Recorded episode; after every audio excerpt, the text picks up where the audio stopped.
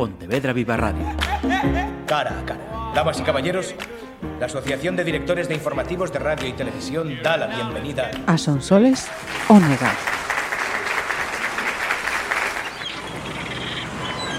Punta do Vico, febrero de 1900.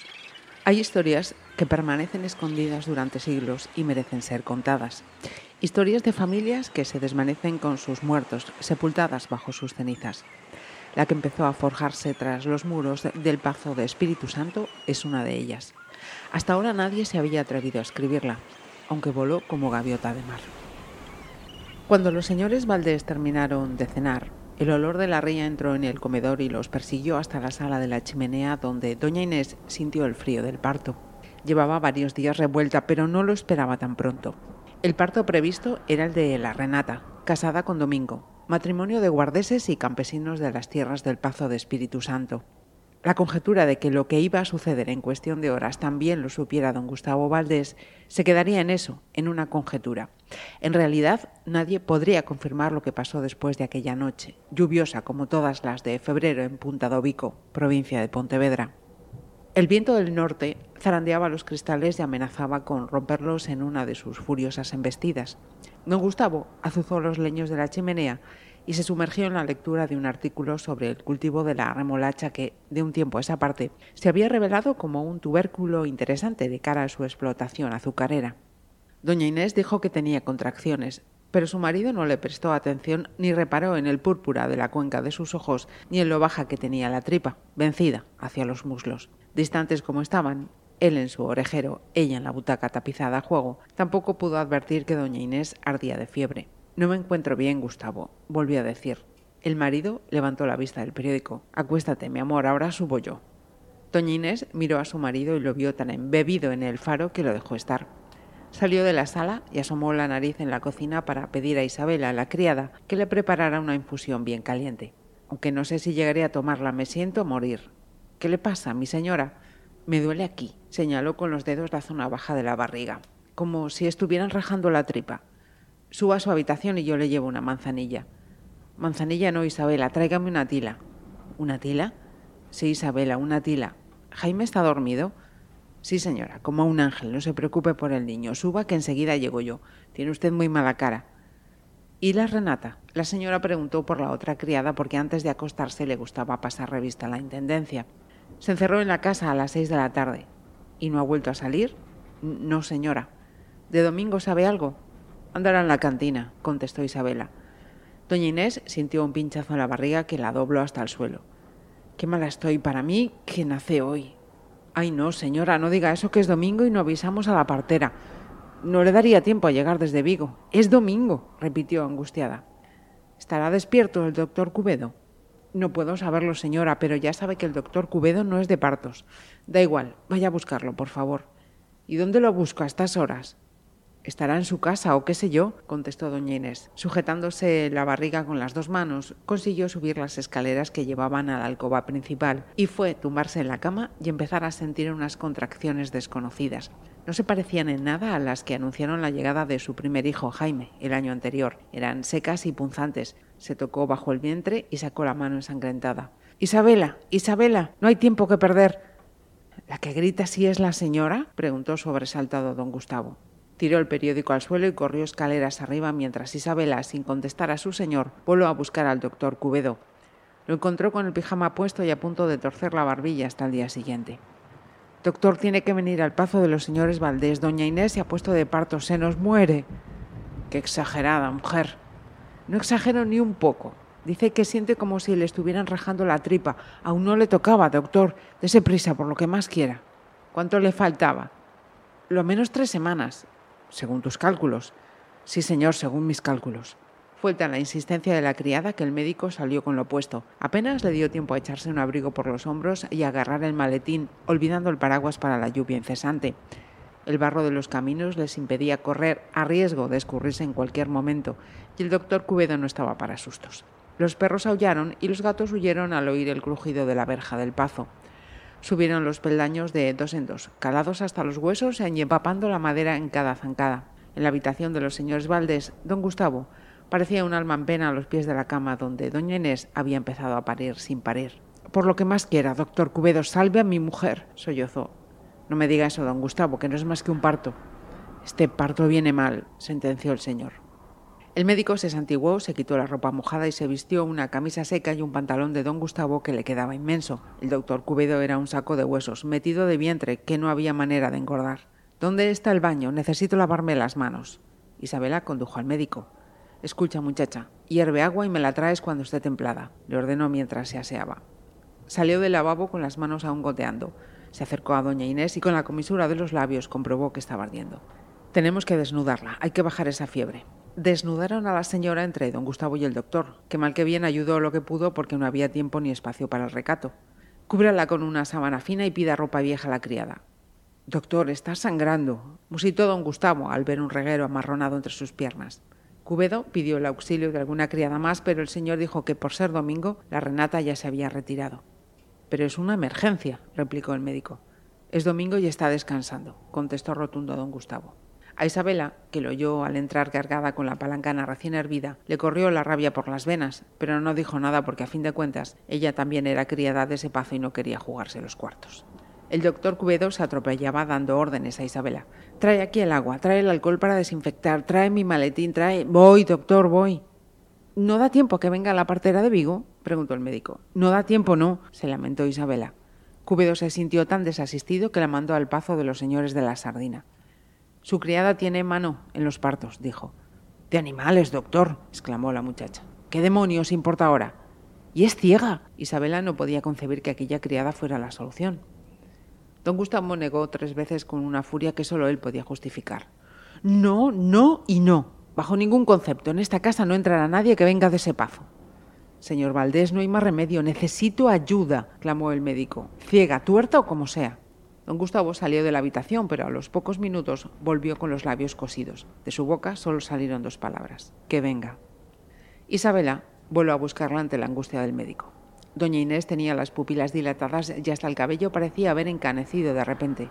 La criada le había soltado el moño y el pelo le caía hasta los hombros. Señora, respire, respire profundo. Pero doña Inés solo podía gritar de dolor y morderse los nudillos para soportarlo. La tripa dura como una piedra. No me gusta que esta sangre haga espuma, dijo el médico. ¿Qué quiere decir? preguntó don Gustavo. No es habitual, pero pasa. A don Gustavo no le importaba si era habitual. Solo quería saber qué rayo significaba que la sangre fuera espumosa y si su mujer podía morir. Doctor, el médico estaba preparando una inyección. Doctor, insistió, ¿se va a morir? Cúbedo levantó la cabeza y lo miró como si hubiera conjugado un verbo maldito. No se le ocurra volver a hacerme esa pregunta. Don Gustavo se acercó a la cama y su mujer lo miró a los ojos con la tristeza que deja el infortunio. El señor empezó a hilar los sucesos de su vida como si el tiempo se estuviera agotando, como si el futuro fuera de una escasez sombría, como si haber faltado a su esposa tuviera esa penitencia insoportable. Su pecado había sido dejarse vencer por el instinto, pero solo fue con Renata, solo con ella, rugió su conciencia. Dame la mano, Gustavo. Hasta la voz de doña Inés le sonó desconocida. Se llevó los dedos a la boca para besarlos y recordó las primeras noches en esa misma alcoba, donde consumaron el amor con el que la vida los había bendecido. Doña Inés, voy a inyectarlo en coagulante. El doctor Cubedo rompió el silencio impuesto en la habitación, pero don Gustavo había dejado de escuchar. Nunca sospechó que necesitaría redimir la culpa ni que sentiría en vida la condena. No es que quisiera quitarle hierro al suceso, pero podía jurar por todos sus muertos de Cuba que nunca había dejado de querer a Inés desde el primer día que la vio con 16 años, fresca como un amanecer. El eco de la otra mujer, sus gritos de placer, los gemidos a escondidas retumbaron contra las paredes del pazo. Doña Inés, la hemorragia parece controlada. Voy a meter la mano para ver cómo viene el niño. Respire hondo. El doctor apenas tardó unos segundos en confirmar que el niño venía de nalgas. ¿Por qué demonios no llega la criada de la sardina? gruñó. Había perdido la pulcritud y la elegancia con esa camisa gigantesca remangada hasta los codos y las dos vueltas de la cinturilla del pantalón. En ese momento Isabela entró en la habitación guiando a la partera de animales. Empapadas, las mujeres parecían dos fantasmas transparentes. El médico y el señor se asustaron al verlas como una funesta aparición. Santo cielo, santo cielo, gritó el médico. Dais pavor. La partera, de nombre Mariña, se fue acercando hasta la cama y detuvo sus ojos níveos en doña Inés. Colocó la mano sobre su vientre, fue escurriéndola hasta la entrepierna y en un gesto impropio de una criada apartó de un manotazo a Cubedo. Déjeme a mí, dijo. La criatura viene de nalgas, repuso el médico. No me diga, lo noto a la legua. Mariña empezó a organizar a unos y a otros con una destreza insospechada. Isabela, abre las ventanas. Aquí hay una concentración de demonios, exclamó. Doctor, masajee la barriga en el sentido de las agujas del reloj. La joven se quitó la ropa mojada, pidió un camisón o lo que tuvieran y se arrodilló a los pies de la cama. Tenía cara de niña pequeña, ni siquiera de adolescente, manos de topo y esa mirada siempre a oscuras de quien nunca ha visto la cara de la muerte. Con unas artes entrenadas en los partos de vacas, ovejas y perras, agarró las nalgas de la criatura y fue tirando de ella hasta separarla para siempre de las entrañas de la madre. Doña Inés nunca sabría qué profundo llegaría a ser el vacío. Es una niña, exclamó al palparla. Una niña, repitió Isabela. Una niña viva, replicó la voz del doctor Cubedo. Una niña, se oyó decir a don Gustavo. En aquel instante el señor Valdés no supo qué sentir ni qué pensar.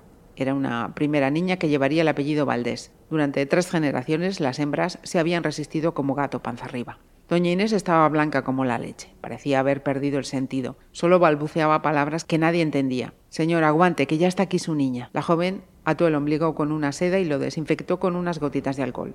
Justo entonces la niña lloró.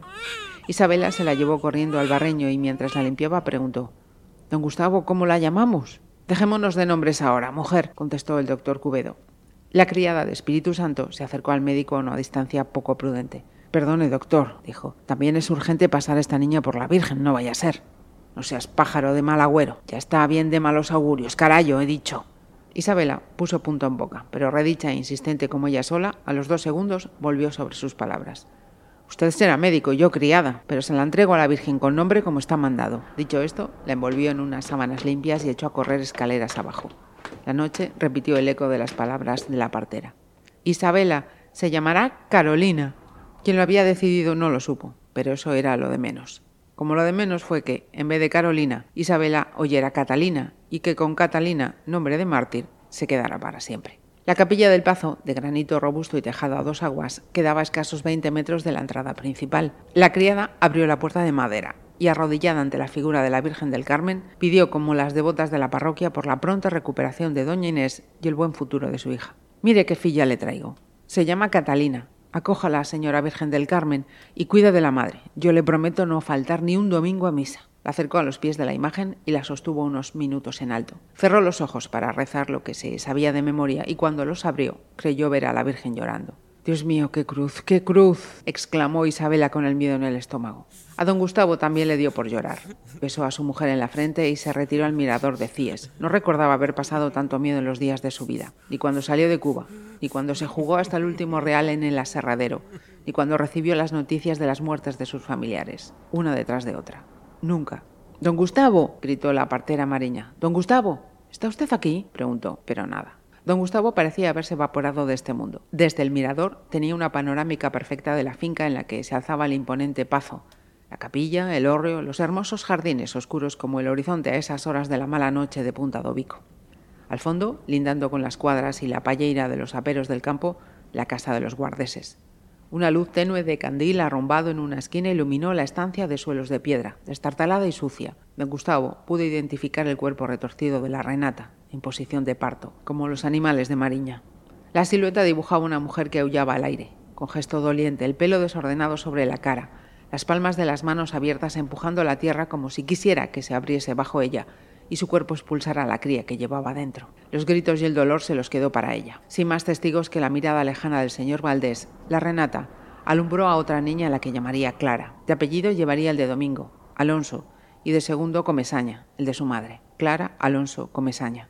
Señor Valdés, estoy aquí, muchacha, musitó. Mariña se guió por la voz, se acercó a él y le tocó la espalda. Estaba temblando desde la nuca hasta los tobillos. ¿Le traigo agua? volvió a preguntar la partera con preocupación. No hace falta, Vaya con su mujer. Todo hombre, por imponente que sea su fortuna, su fama o su linaje, acaba cometiendo un error. El señor Valdés se acercó a doña Inés y clavó los ojos en el vientre de su esposa. En la mirada llevaba prendido el peso de haberlo cometido. Nadie que esté al tanto en mayor o menor grado de la actualidad desconocerá quién es el Premio Planeta 2023, así que Sonsoles Onega, una felicitación más y gracias por este tiempo de charla. La recibo con, mucho cariño y muy agradecida. Las sigas de la criada es esa novela ganadora, un premio Planeta que discurre en Cuba y en Galicia y con más precisión aquí en la provincia de Pontevedra. De forma muy escueta, temporalmente nos lleva al espacio entre 1900 y mediados de los 60. En ese inicio de siglo nacen dos niñas en la misma noche, en el mismo lugar, y el devenir de sus vidas pues va a llenar esta novela entre ficción y realidad.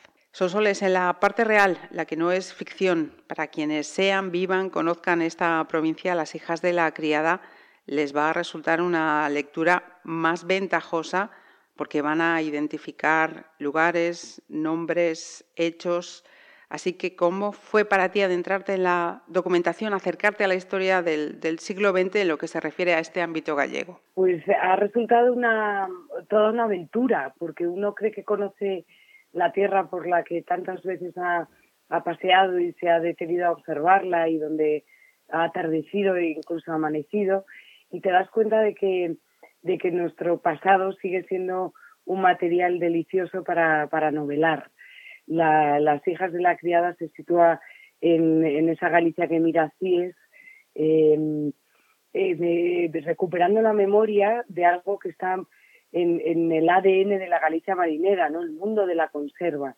Eh, yo no, no, sabía que había tantas historias en la gran historia de la construcción del, de ese imperio gallego que lleva el marchamo de, de tantos eh, años, décadas, siglos de, de, trabajo y de excelencia. Así que para mí ha sido una aventura apasionante. Ya que mencionas ese, ese aspecto, mm, me adelanto en una de las cuestiones. Plasmas ese trabajo pues eminentemente femenino aquí en esta, en esta tierra, las conserveras, pero te pregunto, en este caso, esas condiciones que relatas de esta conservera en concreto, es más ficticio, más real, porque mm, hay unas condiciones muy, muy peculiares. Sí, bueno, a ver, yo, he tratado de ser lo más fiel al contexto histórico y social eh, posible, ¿no? He intentado eh, retratar lo que había, pero también es verdad que fabulo mucho con, con lo, que se, lo que mi protagonista, Doña Inés, quería hacer. Es decir, que en las condiciones en las que trabajan, en, esa descripción del, del, frío, de las manos agritadas por el trabajo en aquellas mesas corridas que he visto en fotos de la época en las que se, o a las que se sentaban las, las mujeres a limpiar pescado. Todo eso he tratado de ser lo más, lo más rigurosa posible con, con lo que vivieron aquellas mujeres. Luego, evidentemente, hay mucho que solo está en mi, en mi imaginación y me he dado algún caprichazo narrativo como imaginar que que creamos en La Deslumbrante, como se llama esta, esta conservera, una, una escuela de mujeres para adoctrinarlas, o enseñarlas, adoctrinarlas no me gusta, para enseñarles algunas cosas básicas que, que mis mujeres creían que eran imprescindibles para sobrevivir, ¿no? De leer y escribir hasta saber cómo eh, comportarse ante los hombres, ¿no? O sea que hay caprichazos narrativos y hay retrato fiel de lo que, de lo que pasaba. Acabas de mencionar a una de las protagonistas, a doña Inés, que mm, creo que es la, matriarca de esta novela y que de alguna manera también pues, pues reproduce otro, otro de los elementos de la idiosincrasia gallega, ¿no? de lo que era eh, el matriarcado en las casas. Sí, Doña Inés, es, eh, Doña Inés es la jefa, y lo digo así en términos muy nuestros, sin saber que lo era, porque realmente ella no estaba programada para, para hacer todo lo que hizo, que fue convertir, eh, cerrar un aserradero, convertirlo en, en conservera, o sea, yo creo que, y en eso se parece un poco a, a las mujeres de hoy en día, la mujer no sabe hasta dónde puede llegar hasta que tiene que la obligación por las circunstancias de su vida de ponerse de pie y empezar a ejercer ese poder, ¿no? Eh, si las cosas no hubieran sido como son en esta novela, pues a lo mejor doña Inés nos hubiera visto la, en la obligación de tener que sacar adelante su familia, ¿no? Pero bueno, forma parte de la trama hacer eh, eh, esos, esos giros que, que cambian la vida de los personajes como nos puede pasar hoy en día. Y de los personajes femeninos que, que, están en esta novela, ¿cuál ha generado más, más apego con la autora? Bueno, yo estoy enamorada de, de, Clara, que es la hija de la criada, aunque en realidad lo era de la señora, eh, la que es intercambiada la cuna, ¿no? Eh, ¿Por qué? Porque es una, es una, una mujer que se pasa media vida buscando que le quiera, eh, aprende sola. Esta sí que se ha hecho a sí misma, ¿no? aprende a leer en, los, en, los, en las páginas de los periódicos que, que vuelven bocadillos o, por, o, en el regazo de una de las de una obrera que le, que le enseña las cuatro reglas básicas y a partir de ahí ella tira, ¿no? Eh, en este sentido, sí que es, es, una novela en la que dialogan las clases sociales, ¿no? Eh, que es algo que a mí me gusta mucho, la, la sabiduría de, del, de la criada y la hija de la, de la criada frente a, a, la ilustración supuesta de las señoras, ¿no? O sea, que, que yo me he enamorado de Clara, pero también de Doña Inés, sin duda, o hasta de la pobre Catalina, que es quizá la que más me costó construir, porque te cuesta, porque es la que, la, la, la, que es más difícil de entender, ¿no? Una niña que nace en un, eh, que tenía que haber nacido en una casa de una criada, al final acaba en, en un paso viviendo con todas las, eh, la abundancia imaginable y, y, ella no se encuentra cómoda en su en, en, en, eso que le han dado, ¿no? O sea que hay también una reivindicación de la naturaleza que nos marca tanto. O sea que uno puede revelarse hasta cierto punto, ¿no? Porque luego tú, tú eres lo que eres y, y, y te puedes enrabietar con lo que te ha tocado vivir, pero, pero ahí está la naturaleza imponiéndose. Hay amor, sin duda, en las hijas de la criada, pero tras su lectura encuentro, es mi percepción, que tiene eh, más peso el desamor y sus consecuencias. Sí, el, el, es que el desamor mm, pesa más, ¿eh? Cuando estamos, cuando vivimos una historia de amor no, y nos hace tan felices y nos sentimos tan plenas y, y plenos y tan colmados y colmadas, eh, eh, eh, nos olvidamos luego del peso del desamor y el desamor nos, nos condiciona a veces más, ¿no? A mí me, me gustan esos personajes que, que sufren y que eh, ante los que, eh, que, te puedes o con los que te puedes sentir muy identificado porque todos sufrimos en la vida, o sea, la, la, vida tiene mucho sufrimiento, por eso los pequeños momentos de felicidad hay que aprovecharlos tanto. Pero hasta, hasta estos personajes son son capaces de pronunciar frases muy épicas de notar sí. a la felicidad porque es una extrañeza. son personajes que dolientes más que más que felices. ¿Y, ¿Y, la venganza, son soles, es, es medicina recetable? La venganza raramente es sanadora. De hecho, la criada cree que va a sanar su herida y, y, la, la, herida de haber sido preñada por el señor del Pazo con esta venganza intercambiando a las niñas y en cambio le pesa toda su vida no se termina de reponer de eso que ha hecho, porque en el fondo fue perder a su hija. Luego la familia emigra a Cuba, luego vuelve, pero eh, la distancia que se impone entre esa madre y esa hija es brutal. Y ella y el lector son los únicos que saben eh, cómo son las cosas. ¿Y de estos personajes ficticios que has creado, alguno o alguna ha tenido un molde real extraído de estos lares? La verdad es que no no, no, no puedo decir me, me, he inspirado en o en esto otro o en esta otra, pero es verdad que he leído mucho sobre las familias de la conserva eh, y, me han, y, y, es indudable que me han inspirado. También he leído mucho, muchos testimonios de obreras y también me han inspirado. O sea, yo soy muy esponja cuando estoy escribiendo, me vale todo y todo me enriquece, algo lo que no me enriquece, naturalmente. Eh, eh, leo mucho de, de historias reales porque me ayuda luego a, dar textura a la novela, a hacerla verosímil, a, llenar a los personajes de su verdad. Y esa verdad se ha vivido antes, ¿no? En este caso. Sí. Y así que nadie en particular y todos en general. La siguiente pregunta no sé si, mm, si es más adecuada a la escritora o la, o la periodista, si es que se pueden eh, separar. ¿En alguna ocasión no has hecho una pregunta porque no podrías soportar la respuesta?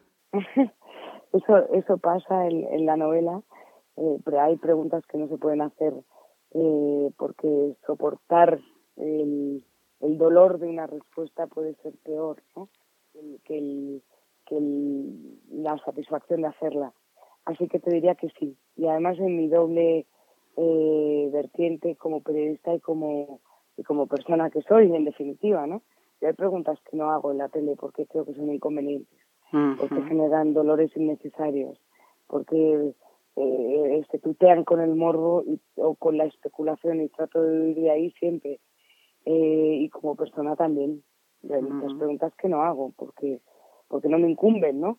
aunque pueda haber algo de curiosidad, pero la curiosidad se mata se mata rápido y vas a generar un mal mayor. Pues eh, Sonsoles, vamos a recomendar sin duda Las hijas de la criada porque insisto, como decía al principio, quienes eh, seáis, viváis, conozcáis esta provincia de Pontevedra, vais a, ver como una película perfecta las hijas de la criada. Y, por cierto, voy a lanzar con tu permiso un consejo para colegas de, esta profesión cuando te vuelvan a ver por, por Galicia, que vengas aquí a, descansar, que también en Pontevedra está la casa en la que vivió Valle y esa escultura de Valle porque fuchicando y buscando he visto que, te, colocaron en otro municipio también visitable, pero que estabas aquí en, en Pontevedra. Y ese, ese mal hábito que últimamente tenemos de copia-pega, copia-pega sin, sin contrastar, pues a veces juegan malas, malas pasadas. En fin, eh, Sonsoles, un millón de gracias y muchos éxitos a pesar de lo que digan. Bueno, muchísimas gracias, yo te lo agradezco. Solo sabemos trabajar, así que seguiremos haciéndolo. Eso sí, le pese a quien le pese. Pontevedra Viva Radio. ¿Me permiten que les haga un comentario como espectadores del programa Cara a Cara? Según un reciente sondeo de mercado, ustedes disponen de estudios e inteligencias superiores a la media. Sus intereses abarcan desde la actualidad mundial y la ciencia hasta el deporte y los espectáculos.